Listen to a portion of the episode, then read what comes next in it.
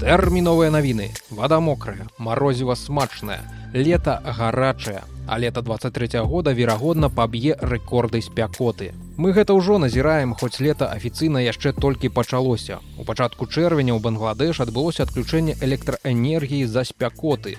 Знакамітыя ахоўнікі букінгемскага палаца вянуць ад гэткай спёкі і трацяць прытомнасць. У Шотландыі ўжо зафіксаваны самы гарачы дзень у годзе 30 градусаў па цельсію, а канадскія лясы пылаюць у полымі, дым ад якога засцілае мегаполісы. Амерыканскі цэнтр кліматычных прагнозаў нацыянальнай метэаралагічнай службы паведамляе, што тэмпература паверхні мора была вышэйшай за сярэднюю ў мінулым годзе.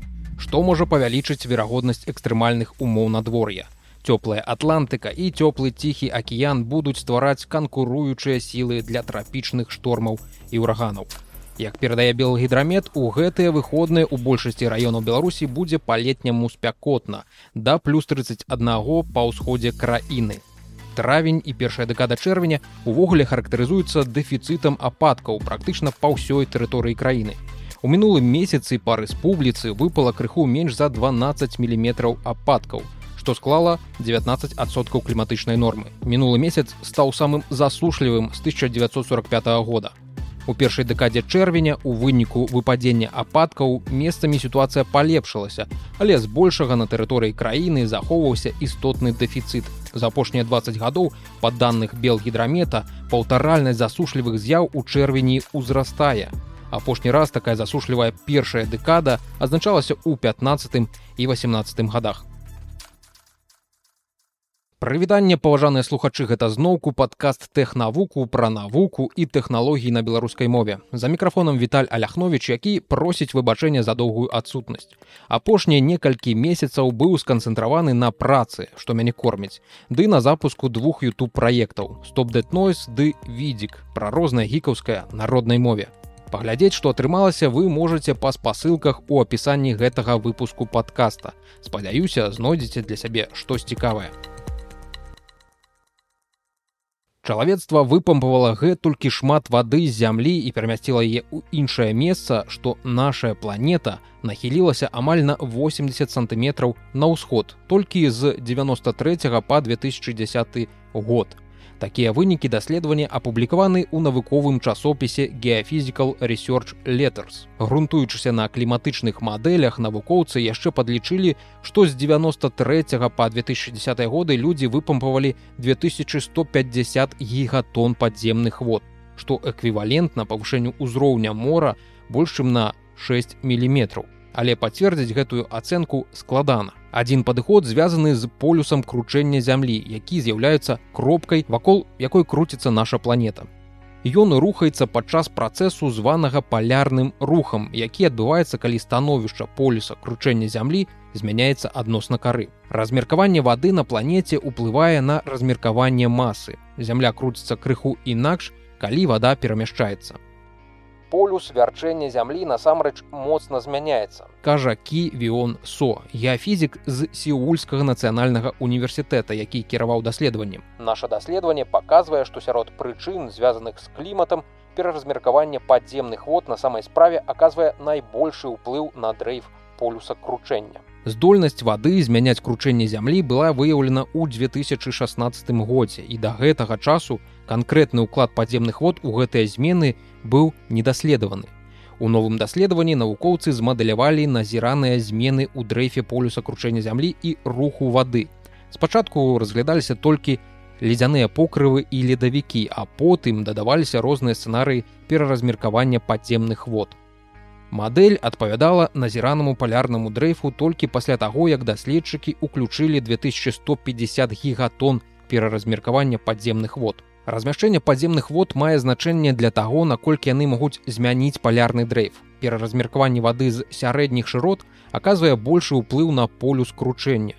У перыяд даследавання большая частка вады была пераразмеркавана ў заходняй частцы паўночнай Амерыкі і паўночным захадзе Індыі абедзве лакацыі ў сярэдніх шыротах. Полюс кручэння звычайна змяняецца на некалькі метраў на працягу прыкладна года, таму змены з-за перапампоўвання грунтавых вод не пагражаюць з рухам сезонаў.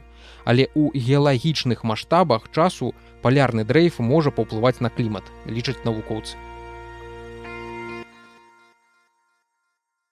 Невялічкі перапынак на падзяку ўсім тым патронам, што падтрымліваюць мяне на патрыоне. Гэта Яўген Чахуноў, Рудзі, Вожык, Цім Яўсеяў, Лоўцян, Іля Войцех, Бамбіза, Алексей Гомза, Алексей Кандратенко, Александр Макараў, Алекс Лук, Алена Ха, Піля, Васіль, Рандамнейм, Юрый Лабович, Ігор Скалкович, Фраука, Александр Труш, Яўген Кавалёнак.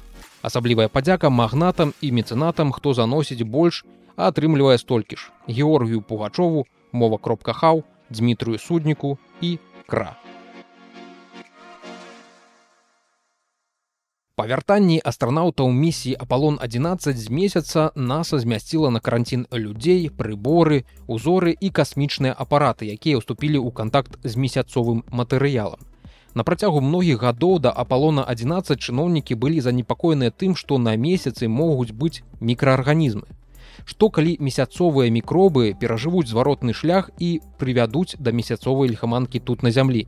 Але ў артыкуле апублікаваным у гэтым месяцы ў навуковым гістарычным часопісе ісіс дагамар де груд гісторык навакольнага асяроддзя дэманструе, што гэтыя намаганні па абароне планеты былі неадэкватнымі, а каранцінны пратакол выглядаў паспяховым толькі таму, што ў ім не было неабходнасці. На шчасце мікраарганізмаў, тым больш патагенных на месяцы не было.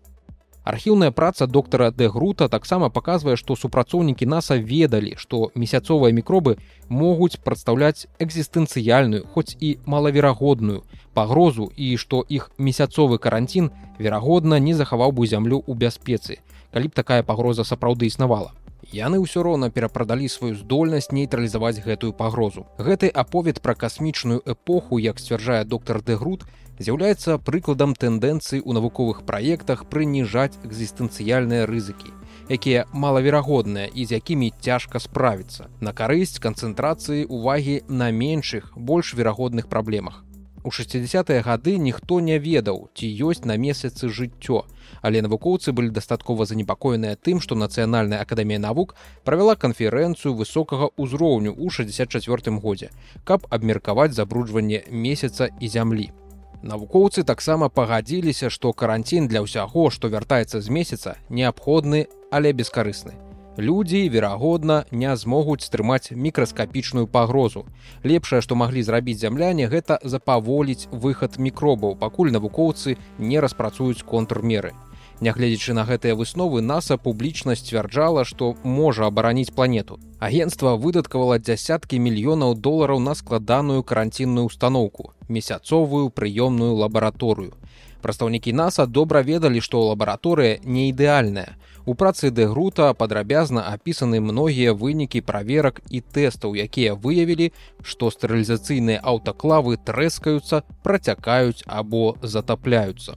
Затыя некалькі тыдняў пасля вяртання экіпажа Апалон 11 24 рабочыя падвергліся ўздзеянню месяцовага матэрыялу, ад якога іх павінна была абараніць інфраструктура аб'екта.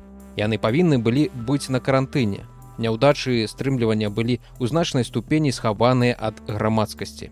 У канчатковым выніку гэта стала прыкладам тэатра бяспекі планеты, кажа Джордан Бім, гісторык навукі з чыкагскага універсітэта. Само вяртанне астранаўтаў Апалона 11 на зямлю таксама паставіла планету пад пагрозу. Іх транспартны сродак, напрыклад, быў спраектаваны так, каб вентылявацца на шляху ўніз. І астранаўты павінны былі адкрыць свой люк у акіяне верагоднасць таго што месяцовыя арганізмы сапраўды існавалі і маглі б размножыцца ў зямным акіяне была вельмі малая. Але наступствы калі б так сталася былі б велізарнымі. У наступным дзегоддзі наса рыхтуецца вярнуць узоры з марса. Спадзяюся што да таго часу тэхналогіі абароны планеты ў агенстве зробяць значны крок наперад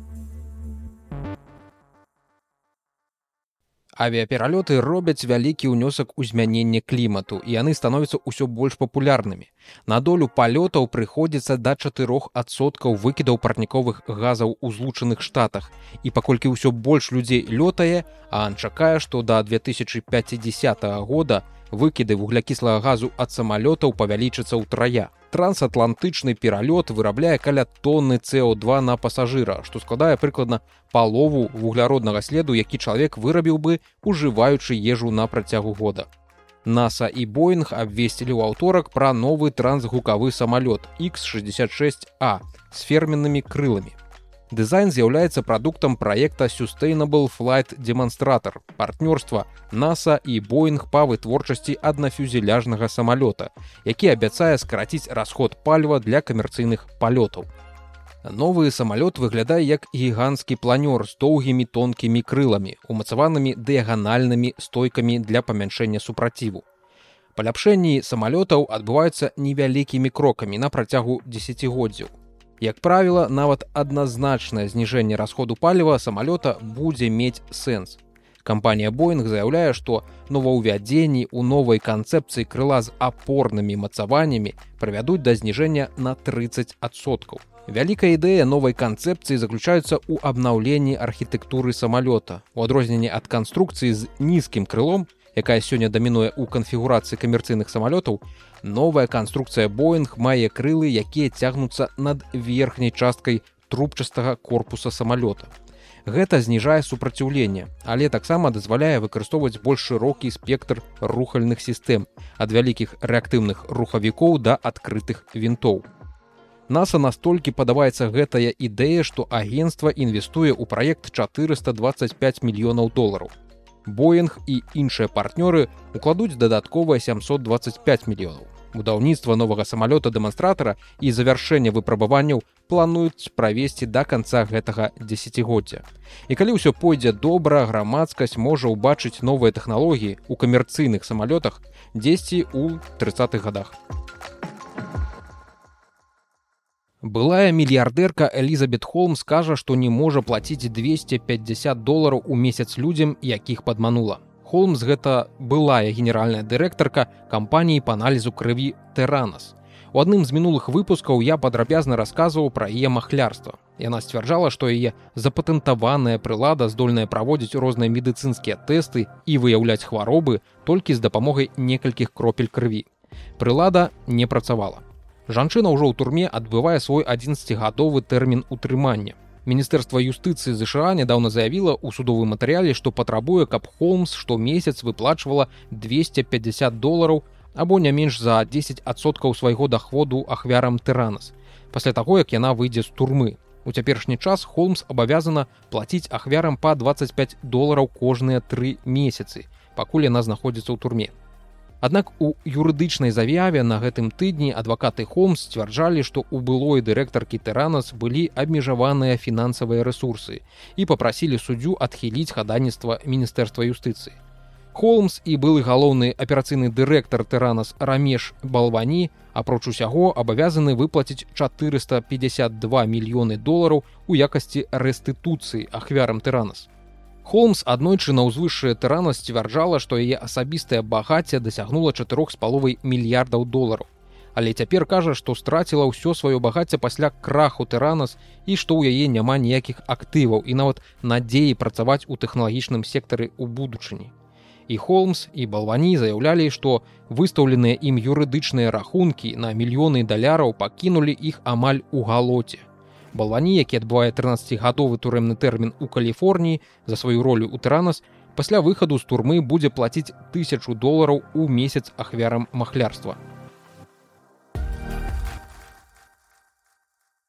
Сёння на гэтым усё. Калі вам было недастаткова шукайце на Ютубе мой новы праект відзік у калабарацыі з рудзі дзе мы апроч тэхналогіі расказваем пра гульні кіно і серыялы. Усё што можа зацікавіць беларускага гіка. Вялікі дзякуй. Пачуемся